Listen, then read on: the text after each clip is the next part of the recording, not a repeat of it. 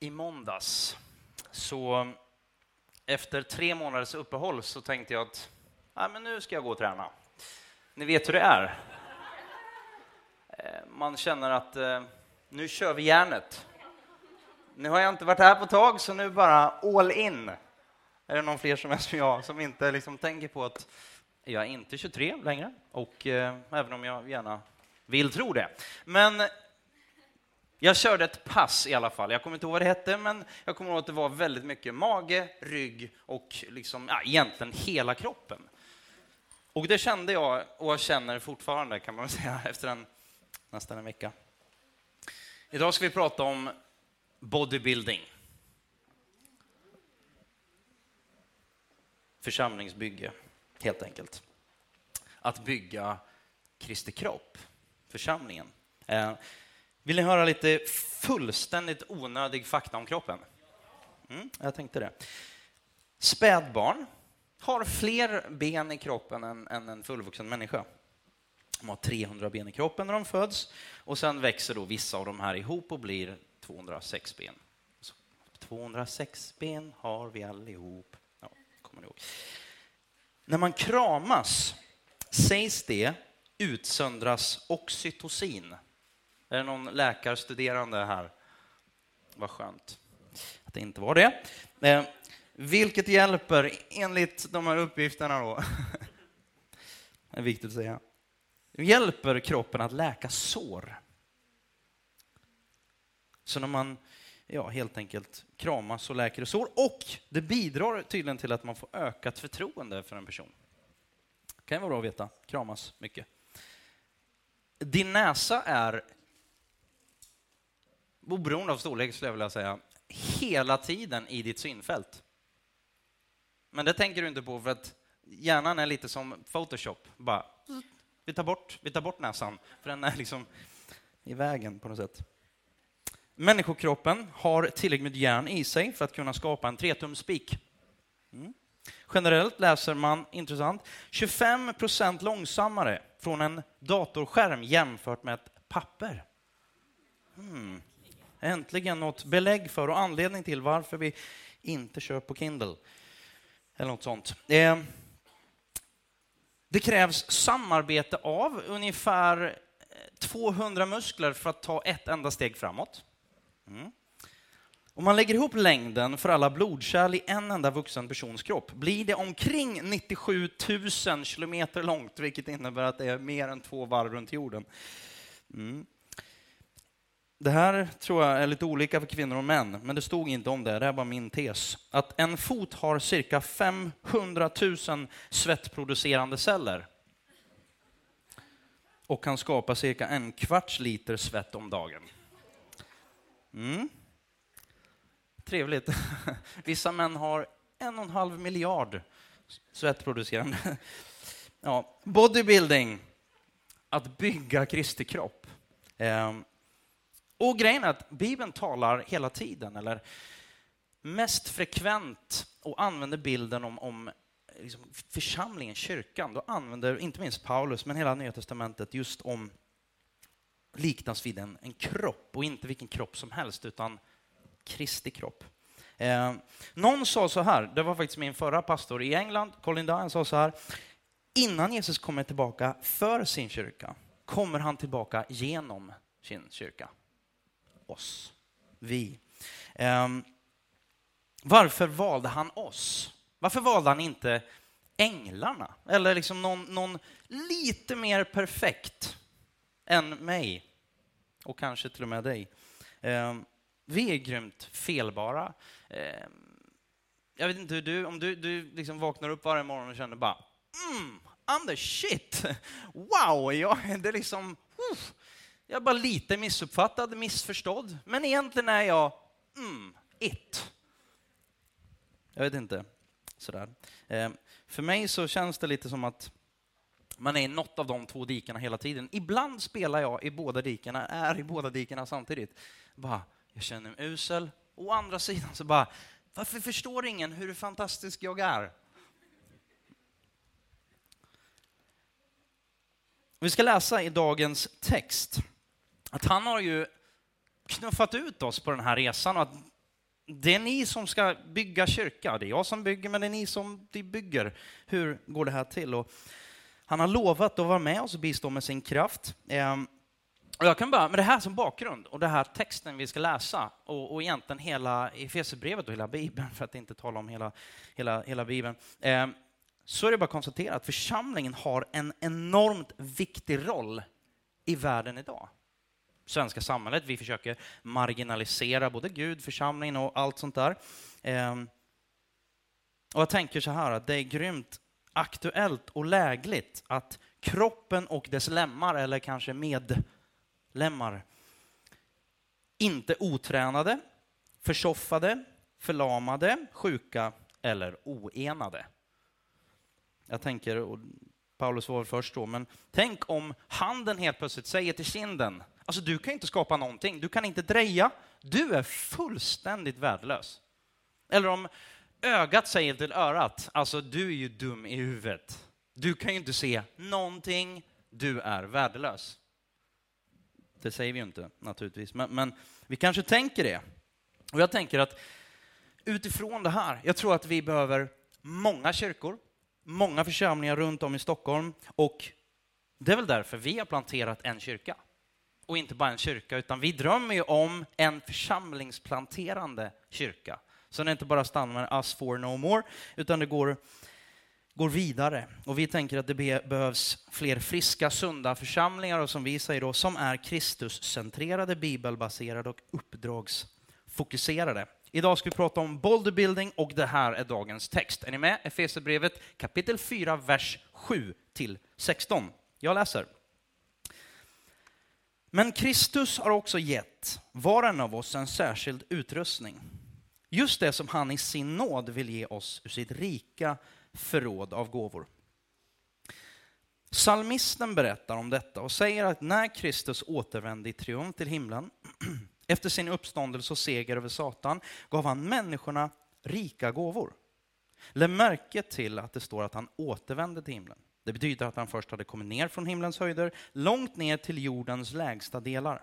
Han som kom ner är densamme som for tillbaka upp över alla himlar för att fylla hela världen med sin närvaro. Några har han gett i uppdrag att grunda församlingar. Come on somebody.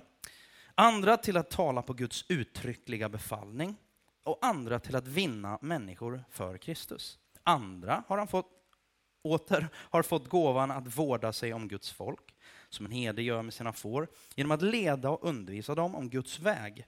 Hur kommer det sig att han ger var och en av oss uppgifter som vi är särskilt lämpliga att sköta? Jo, det är för att Guds folk ska vara väl rustade för att tjäna honom bättre. Vi ska bygga upp församlingen, Kristi kropp, till en stark och mogen gemenskap. Vårt mål är att vi slutligen ska komma fram till enheten i tron på vår frälsare, Guds son, och bli fullvuxna i Herren. Ja, helt fyllda med Kristus.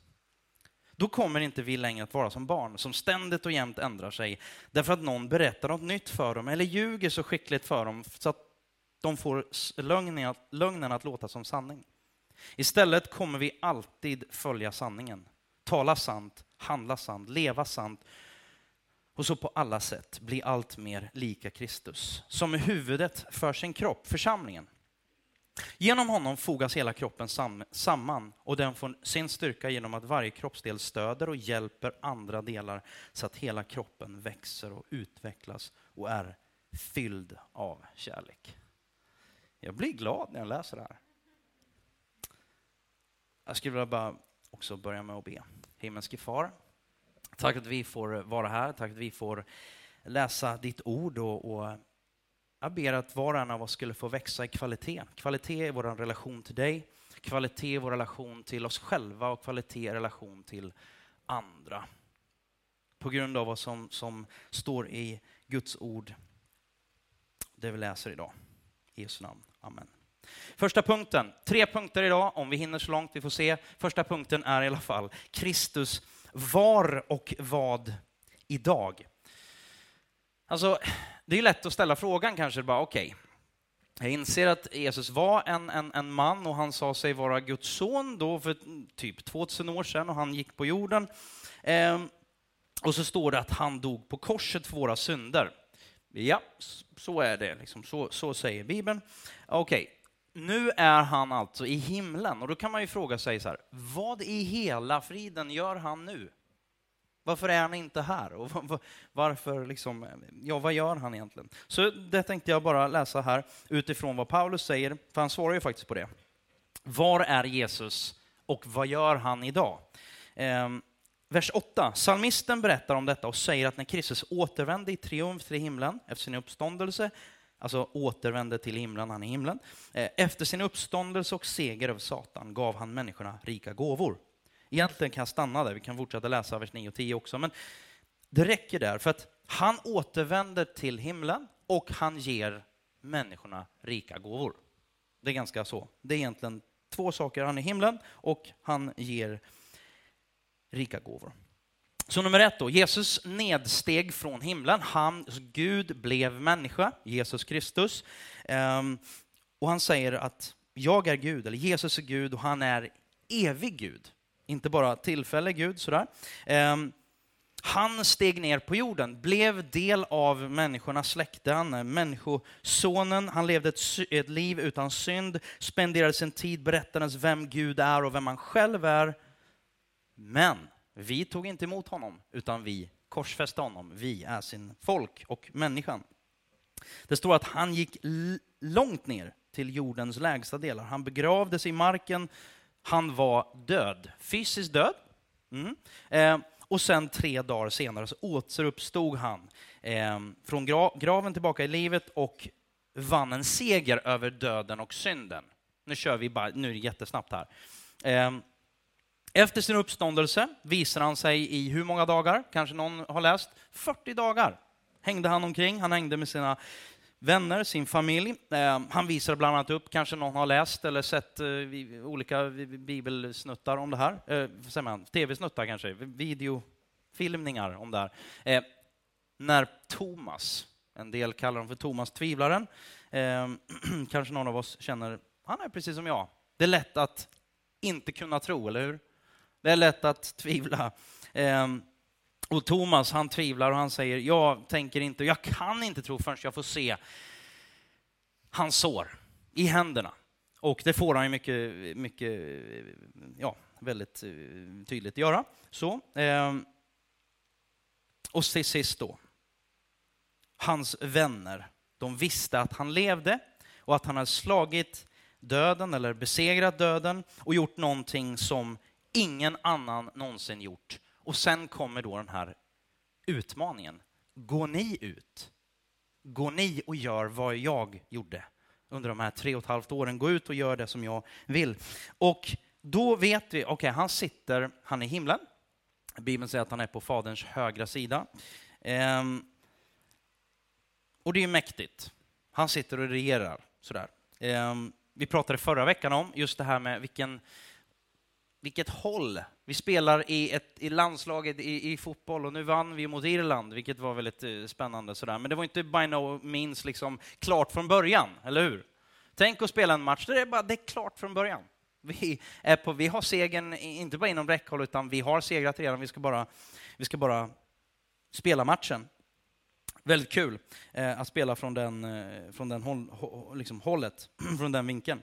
Eh, jag vet inte hur det är med dig, men jag har min väckarklocka på mobilen. Jag vet inte om det är speciellt klyftigt, för att det första jag kollar på på morgonen är ju helt oundvikligen mobilen.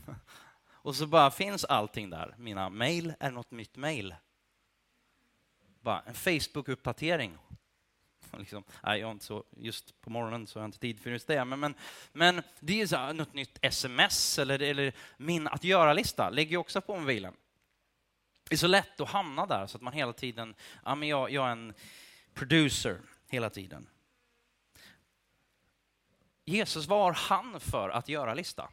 Var han för fokus? Var han för, ja, vad investerar, investerar han sig själv i? Paulus han liknar ju då kyrkan vid en kropp, alltså församlingen vid kroppen. Eh, det är hans favoritbild sådär. Eh, och han säger att vi är del av Guds stora familj. Och det Jesus gör, det är att han vill hjälpa. vill bygga, vill ge, ge gåvor, spendera tid, investera sig själv, om vi pratar det språket, investera sig själv i Guds församling. Han är helt sold out på bodybuilding av bygga församlingen. Så vad gör han? Han betjänar kyrkan, han hjälper kyrkan. Ehm, den helige ande beskriver Nya, Nya Testamentet. Det är ingen hokus pokus-grej, det är ingen flummig, eh, eh, liksom, mystisk sak, utan det är egentligen det Kristi ande. Han sitter, Jesus Kristus, alltså Gud Fadern, Gud Sonen och Gud Anden. Kristus ande, hans liv finns med och han har beskriv, inte, jag kommer inte beskriva det där någon närmare egentligen. Det är ganska, alltså, både enkelt och jättemärkligt på ett sätt, men väldigt naturligt. Han har gett oss sitt liv och han bor i oss med sitt liv. Han bor i sin församling, i alla troende. Eh, och vad gör han då primärt? Först och främst ger han sig själv. Han har gett sig själv. Han ger sig själv hela tiden på det sättet. Han ger oss av sin heliga ande och han ger specifika gåvor. Och jag tänkte att vi skulle prata om det nu. Teamwork makes the dream work. För församlingen handlar inte bara om jaget, utan väldigt mycket om laget. Eller hur? Så då kör vi. Point number two, the teamwork. Några har han gett, då läser vi vers 11 och 13, 11 till 13 igen. Någon har han gett i uppdrag att grunda församlingar, andra till att tala på Guds uttryckliga befallning och andra till att vinna människor för Kristus. Andra åter har fått gåvan att vårda sig om Guds folk, som en herde gör med sina får, genom att leda och undervisa dem om Guds väg. Hur kommer det sig att han ger var och en av oss uppgifter som vi är särskilt lämpliga att sköta? Jo, det är för att Guds folk ska vara väl rustade för att tjäna honom bättre. Vi ska bygga upp församlingen, Kristi kropp till en stark och mogen gemenskap. Vårt mål är att vi slutligen alla ska komma fram till enheten i tron på vår frälsare, Guds son, och bli fullvuxna Herren, ja, helt fyllda med Kristus. Gud ger gåvor. Han är bra på att ge gåvor. Det är han, han älskar att göra. Ehm, och faktum är, den första gåvan och den största gåvan, förutom Kristus och, och liksom tron och anden och, och, allt som har med Gud att göra, om vi pratar om andra gåvor, så är den största gåvan han ger dig och mig, det är andra människor. Eller hur? Det är andra människor. Det är grymt stor skillnad på hur vi ser på människor. Ser vi på människor främst för deras gåvors skull, vad de kan göra för mig eller för ett visst sammanhang, då är det lätt att vi börjar använda folk för deras gåvor, för våra syften, för deras gåvors skull. Och så börjar vi använda dem istället för att älska och uppskatta en person och inte bara funktionen. Eller hur? Och då tänker du direkt kanske på din chef eller på någon runt omkring dig eller på någon i fotbollslaget eller vad det är för någonting. Bara, de använder bara mig för det här. Men innan du går så långt så skulle jag vilja säga så här, titta inte på någon annan än först på dig själv. Hur ser du på folk omkring dig?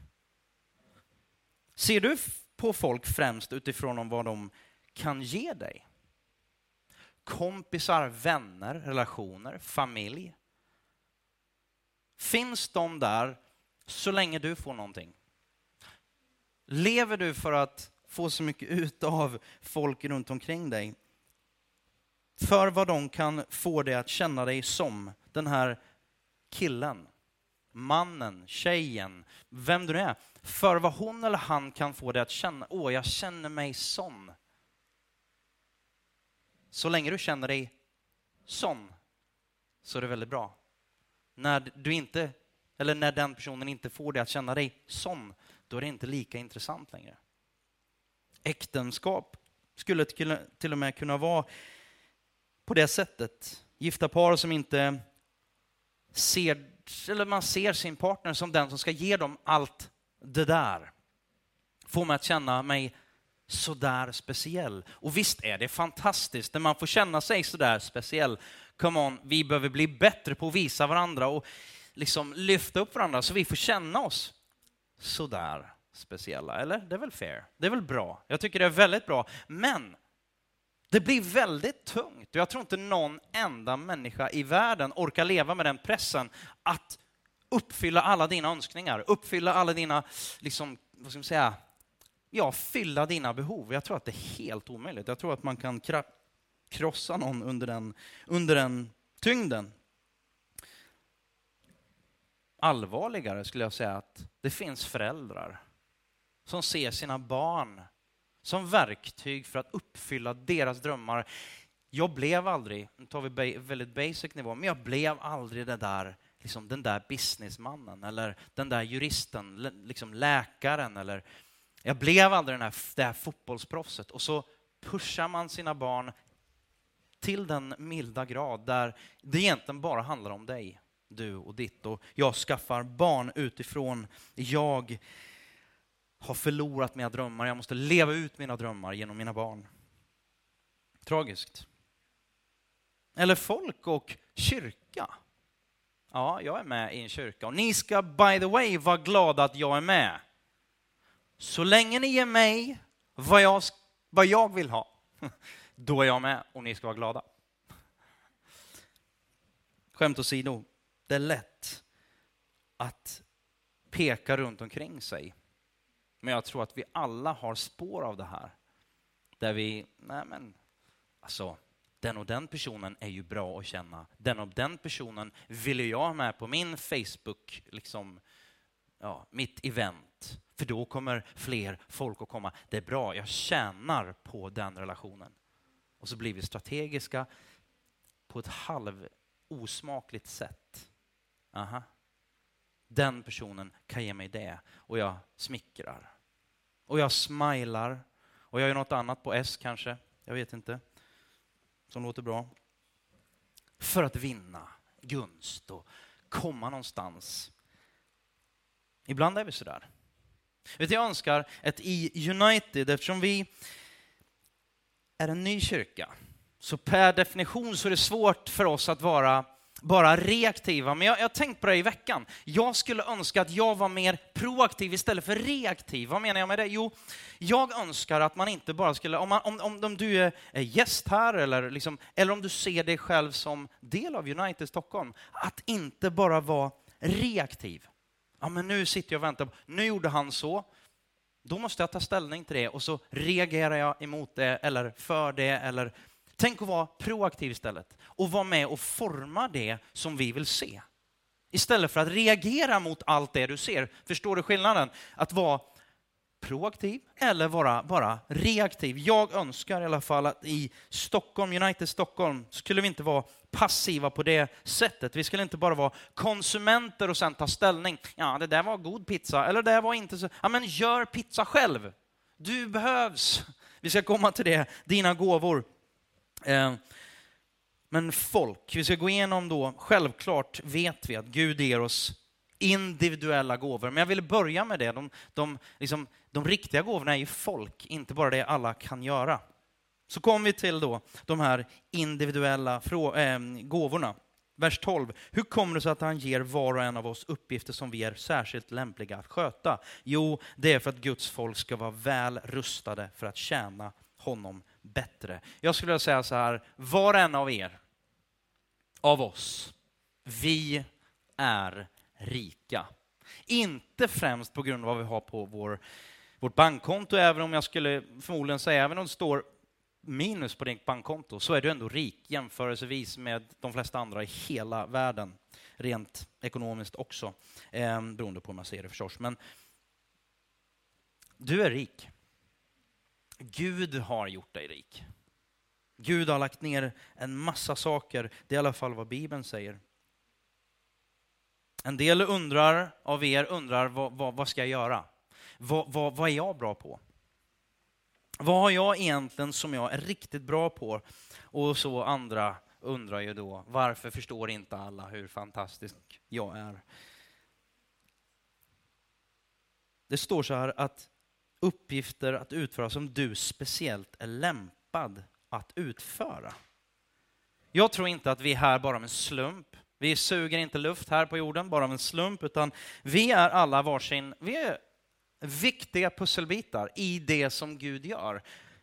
Och i Guds plan, och där är ju naturligtvis församlingen, eftersom Paulus talar om det, alltså det är en viktig bit. Men frågan är ju också, det spelar ju alltså roll hur du och jag använder våra gåvor. Hur vi använder våra gåvor, hur vi använder vår tid, hur vi använder det som vi har fått. Jag tror att alla vi har en längtan att vara till användning. Användbara, eller liksom till nytta. Aha. På jobbet eller... Alltså, det är ingen här som vill, jag vill gå till ett jobb och vara, så länge jag får pengar så spelar det ingen Jag vill vara helt oanvändbar. Bara jag får pengar. Alltså det är ingen, nej men det är det ju inte. Vi ser det här på, på, på barnen, man lär sig väldigt mycket om, om sig själv. Inte minst genom barnen. Och alltså sen kidsen var små så har det alltid varit jätteviktigt för dem att få hjälpa till. Jag vet inte vad ni säger, ni som har barn, men så fort jag går in, i, i, i igår var vi på, på Hemköp, och då tänker inte jag, det är Bianca och Caleb och det är Ville. Och så går vi in där, de som en liksom svans efter mig så här, och, och så tar jag vagnen och så börjar jag gå med den själv. Och då skriker ju alla i kör. Jag vill dra vagnen! Och så får man ta ut tre vagnar, så slipper jag dra en och så drar de varsin. För de vill hjälpa till. Och liksom ska det ju vara lika. Det ska vara lika tungt, lika mycket, lika... Liksom, och de, ska, de fick ju köpa godis då. 15 bitar fick de plocka ut, de stackarna. Och så fick de lägga ner dem i deras korgar. Och de var fantastiskt glada. It's about expectation management, my friends. ja. Alltså vi vill ju vara användbara. Och det fantastiska är ju att Gud vill använda dig och mig. Och då kan man ju tänka sig, men varför vill Gud använda mig? Och någon då, å andra sidan, tänker, Gud, fattar du inte vem jag är? Du borde vilja använda mig mer. Um, och då pratade vi förra veckan om det här med att leva värdigt din kallelse, värdigt dina, dina gåvor på ett sätt. För du har redan fått gåvor. Det är inte frågan, nu ska du vara tillräckligt duktig så att du ska få gåvor av Gud, utan Gud har sagt så här, men jag har skapat dig fantastisk, underbar, med hur mycket gåvor som helst. Jag vill att du ska bara förfina dem och lyfta fram dem, träna dem, slipa det, och så ska du söka fler gåvor på ett sätt, men, men använd det du har. Lev värdigt din kallelse. Hur lever du ditt liv? Lever du ditt liv så att du matchar de gåvorna som du har? Och då tänker du så här, ja men nu är vi tillbaka där. Då är vi tillbaka i, in den här kristendomen som bara, ja men det är prestationsångest och det är liksom det ena med det andra och det tredje och du ska vara på ett visst sätt och du ska vara duktig och så ska du dra dig själv i håret. Vad jobbigt. Men jag tänker så här, är det inte ganska naturligt om det är någon som sträcker sig och vill göra skillnad, vi tar en politiker. Kräver vi inte lite mer av någon som, ja, för det första förtroendevald, men, men liksom står för någonting, det är ju inte fresh om någon som står för någonting, arbetar, agiterar, alltså jobbar för jämställdhet och sen när man inte står i talarstolen och håller på att trycka ner. Det är väl inte okej? Okay? Det är väl ganska naturligt? Om du har någon kvalitet över ditt liv, om du har möjligheten att rädda någon och inte gör det, det är inte fresh. Civilkurage, tycker vi det är bra? I Sverige så dissar vi det rätt hårt rent liksom, i verkligheten. Vi står ju inte upp för folk som trillar, blir nedsparkade. Jag tycker ju att det är mindre sexigt med så lågt civilkurage att vi inte klarar av att stå upp för någon som blir nedslagen. Det tycker jag är bara weird. Eller? Är inte det, då tänker jag så här, nej men det kan jag, det tycker jag, jag förväntar mig av en förälder för att de har egna barn om det händer någonting med mina barn så förväntar jag mig att en förälder rycker in. Inte bara, nej men det är ju inte mina barn, så bara... Eller? Lever vi värdigt vår kallelse? Förstår ni? Det handlar inte om, ja nu ska du vara the best things in sliced bread och duktig på allting och lyfta dig själv i håret och försöka prestera. Det är inte riktigt ur det perspektivet som jag tror Paulus talar. Men det spelar roll hur jag beter mig. Och så tittar vi då på de här gåvorna. Alltså, vi skiljer den, man kan skilja. Jag tror att, att eh, man läser i Bibeln så pratar man om nådegåvor. Man kan prata om naturliga gåvor och så övernaturliga gåvor. Man skulle kunna drista sig att säga att ja, men de naturliga gåvorna föds du med när du föds liksom in i den fysiska världen och nådegåvorna föds du med när du blir född på nytt. Men egentligen tror jag att man kan sätta snarskank på sig själv lite för mycket, eller om man fokuserar på det lite för mycket. För jag tänker så här att det spelar egentligen inte så stor roll vad vi kallar dem, naturliga gåvor eller övernaturliga nådegåvor. Ehm, jag tänker på naturliga gåvor som att kunna sjunga. Ja, men sjung! Fantastiskt. Anna har lett vårt, vårt eh, lovsångs eh, liksom startup och lovsångsarbete sedan 13 januari när vi drog igång och gjort ett helt amazing eh, arbete med, tillsammans med en massa andra. Och det är klart att jag är väldigt tacksam för att Anna kan sjunga. Det vore ju lite svårare att hänga med om, om det aldrig var liksom in tune, utan hela tiden liksom någon annanstans. Du som är bra på siffror. Maria Pekar sitter i vår styrelse och har koll på siffrorna. Jag är jätteglad för att hon har koll på siffror, på grafer, på grejer åt oss andra. Du som är grym på design. Jag menar designa, gör saker. Vi har folk som gör fantastiska videogrejer, kommunicerar med oss det vi behöver veta. Det är väl bra? Använd det som du är bra på. Och det kanske är ofta så. Om man läser från Filipperbrevet 2.13. Gud är den som verkar i er, både vilja och gärning, för att hans goda vilja ska ske. Alltså, det du är bra på, det du vill göra, nudge nudge, kanske är det så att du har fått en gåva i just det och på just det området. Det är ju inte rocket science någonstans, men jag tror att det stämmer också överens med det som Paulus säger. Han ger oss saker som gör, han ger oss saker att göra som passar oss. Som passar oss och det som vi är bra på att göra. Om man går tillbaka ett antal tusen år så finns det en story som jag är eh, liksom sådär använt. Och, och, för ibland kan man känna sig frustrerad och bara, jag är satt i den här uppgiften men jag, jag vet inte om jag klarar av det. Och make no mistake, det är ju ändå så. Gud kommer ju utsätta dig och mig för men, att pusha, att, att uh, testa saker som vi inte känner oss bekväma med. Men det är ju inte samma sak som att vi inte klarar av det. Mose, jag vet inte om någon har sett Dreamworks eh, eh animerade eh, Prince of Egypt, som handlar om en långfilm i alla fall, eh, som handlar om just från första Mosebok, första boken i Bibeln, där det handlar om Mose som leder eller blir kallad av Gud att leda Israels folk ut ur Egypten. För i Egypten var de fångar, de var eh, ja, trälar och slavar. Men mitt i det där så fångar Gud hans uppmärksamhet genom en brinnande buske och han hör Gud tala och det är väldigt mäktigt. Och så efter ett tag så säger Gud så här, ja, jag vill att du ska göra det här. Och Mose säger, nej det tror jag inte alls. Jo, men jag, jag vet, you got it. Och Mose säger, I don't got it. Någon annan har det säkert, men jag har det inte. Och, nej, men du är duktig på att tala, jag är dålig på att tala. Och efter ett, efter ett tag, liksom, han bara käftar emot där. Men hur många vet att Gud är ju väldigt, han är, alltså jag tycker att jag är rätt envis.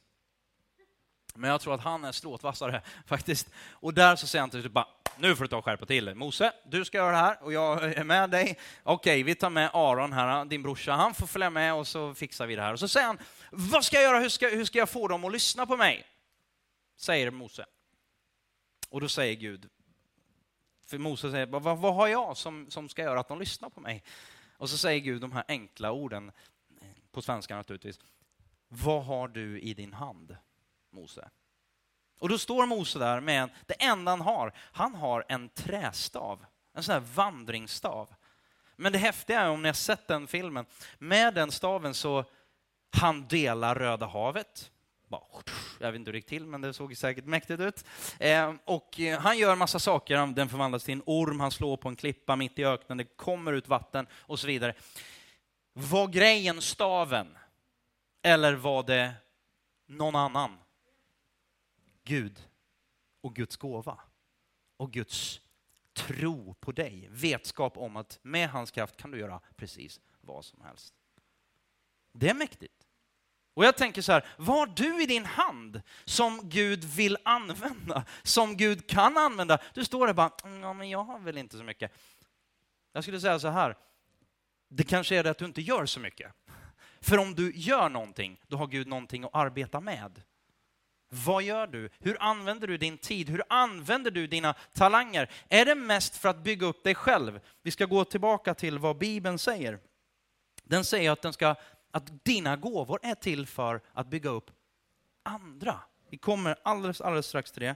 Eh, vad har du i din hand? Vad gör du med dina gåvor? Tränar du dina gåvor? Det finns fem ställen. Vi ska inte läsa alla de här ställena, utan du får ta det. Så att ni som har en gåva av administration kan skriva upp det här nu, och ni som inte har det behöver skriva det ännu mer. Om ni inte har fotografiskt minne.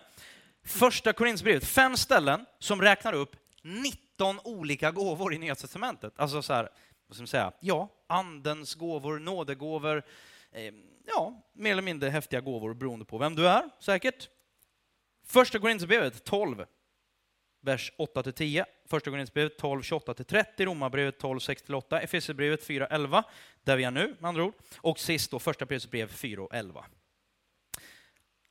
Och då tänkte jag så här att eh, nummer ett, så jag ska läsa igenom de här 19 gåvorna nu, men jag kommer inte gå igenom dem för jag inser att alla att det kommer ta väldigt lång tid. Men vi har något som kallas för Connects, där vi diskuterar och samtalar kring bland annat predikan, möts, pratar om livet och så vidare. Men jag skulle vilja uppmuntra er i era connects, de som är med. Är ni inte med, prata med någon här efteråt, om ni önskar vara med. Men att gå igenom i eran connect, de här 19 gåvorna och fråga, vi kommer skicka ut det här till, till eh, connect-ledaren också, men vilka är mina gåvor? Vilka Eh, eller vad är jag bra på som verkligen kan tjäna församlingen? Är det någon av dessa? Är det någon utöver dessa? Gåvor som jag inte riktigt som inte riktigt kommer till användning, som jag skulle vilja att de användes ännu mer. Jag tror nämligen så här, jag tror att mycket folk i vårt samhälle är frustrerade över att man har en massa gåvor och grejer i sig, men de kommer inte till användning. Jag tror att man blir frustrerad av det. Och så blir man väldigt glad och det händer någonting när man kommer till användning. Eh, och jag vill bara säga det också, väldigt, väldigt tydligt, Mark, att de här 19 utgör, det jag tror inte att de utgör en fullständig lista av gåvor på något sätt. Så egentligen är det helt onödigt, men jag tänker bara, eh, eller onödigt är det inte för det står i Bibeln, men, men till exempel, vi säger så, eh, gåvan att, att sjunga och leda i lovsång till exempel. Det står bara ledarskap om man nu pratar den. Men jag tror att det är verkligen en, det är en gåva naturligtvis. Ehm, och beviset för det här är ju bland annat festfixare finns inte bland de här 19, så det är beviset för att det här inte är en fullständig lista. Nummer ett som räknas upp är visdom. Kun, alltså gåvan av visdom. Kunskap, även kallad nördgåvan. Trons gåva, helandens, helandets gåva, gåvan att utföra mirakler, urskiljningsförmåga. Apostolisk gåva, planterar och grundar nya församlingar och nya sammanhang. Lärargåvan, gåvan att tjäna, administration, evangelistens gåva, herdegåva, uppmuntran. Tänk att ha gåvan att uppmuntra. Jag vet för egen erfarenhet att folk har en gåva att uppmuntra. Ja, men Linda lyfte upp eh, Veronica Kjellander tidigare. Ja, men det är liksom så här, var får de allt ifrån? Men vad trevligt det är. gåvan att ge.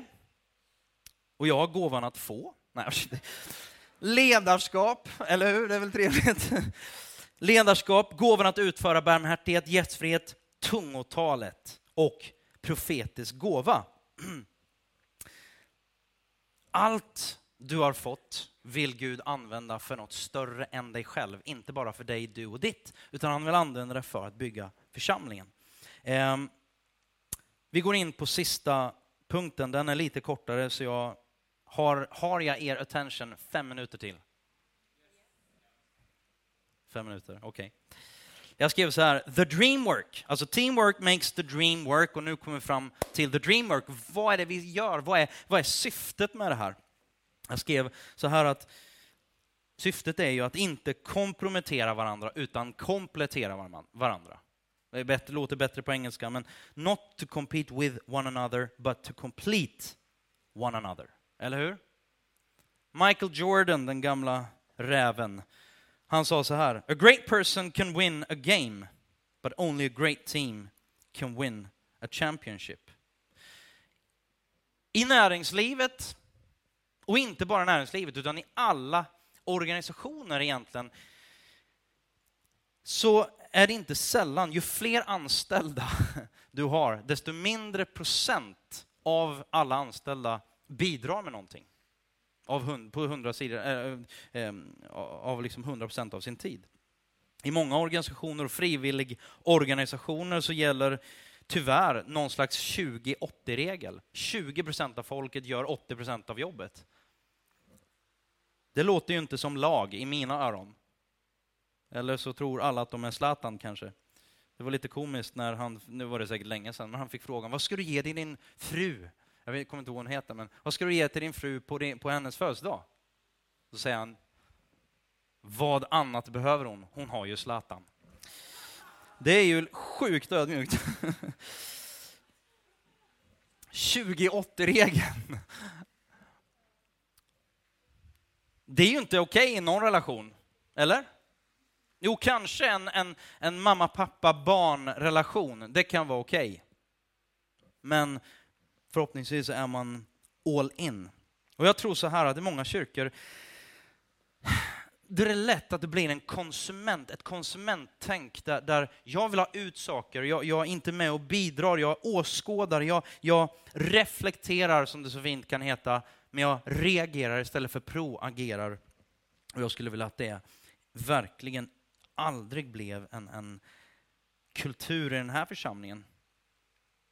Företag letar ju inte idag efter nöjda kunder. Man vill ha engagerade kunder. Det är vad man vill ha idag. Nöjda kunder, det var, det var igår, det var länge sedan. Nu vill man ha folk som är på G, som, som bara...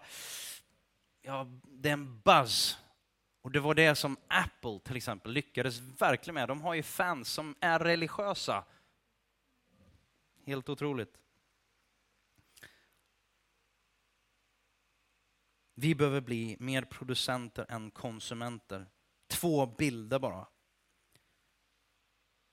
I naturen så är det fullt av teamwork. Jag tror inte jag behöver lyfta upp det egentligen, och, och, och, men jag vill ändå, jag tycker det är en så bra liknelse. En bikupa, tänk er en bikupa en, en, en varm sommardag. Det blir nog rätt varmt här inne.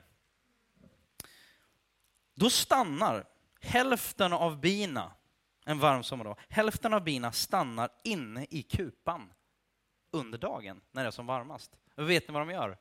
De far omkring och ser till att det blir cirkulation på luften. Så det är ungefär 10 grader lägre temperatur inne än utanför.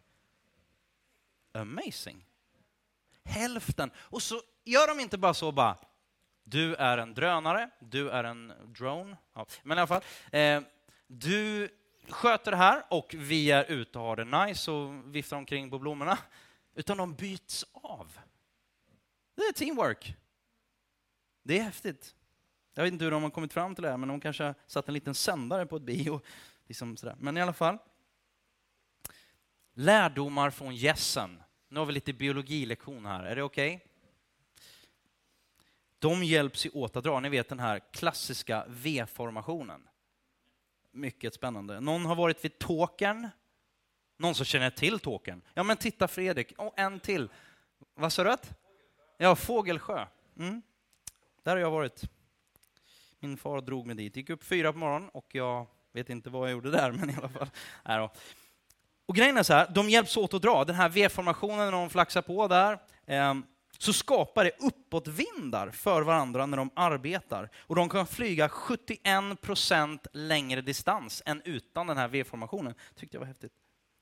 När en gås blir sjuk eller skadad, och följer två andra gäss med den sjuka, skadade gåsen och stannar med henne tills hon är fit for flight. Det är väl häftigt? Och sen då, vet ni vilka det är som låter? Eller jag vet inte hur gör de? Oh, oh, nej, jag vet inte. Uggla, liksom. Ja. Det är de som är längst bak. För de hejar ju naturligtvis på de som är längre fram. Det är coolt. Ja. Det tyckte jag var bra i alla fall. Avslutningsvis, Efesierbrevet 4.16 här då. Från honom får hela kroppen sin tillväxt.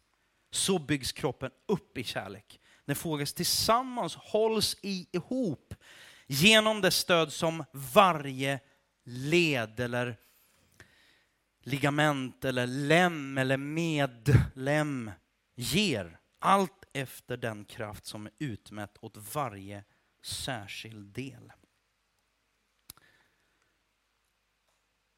Vet ni, när alla i teamet fungerar bättre och bättre fungerar teamet bättre och bättre. Det är bara win-win. Det är aldrig, fy vad bra det går för honom eller henne och vad kast det går för mig.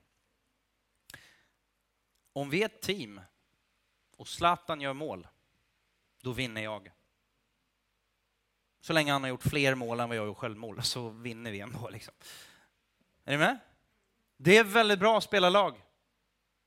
Och Gud har bestämt över oss. Han vill att vi ska bygga Guds församling. Det är ett jätteansvar och det är extremt spännande och lite nervöst och svårt.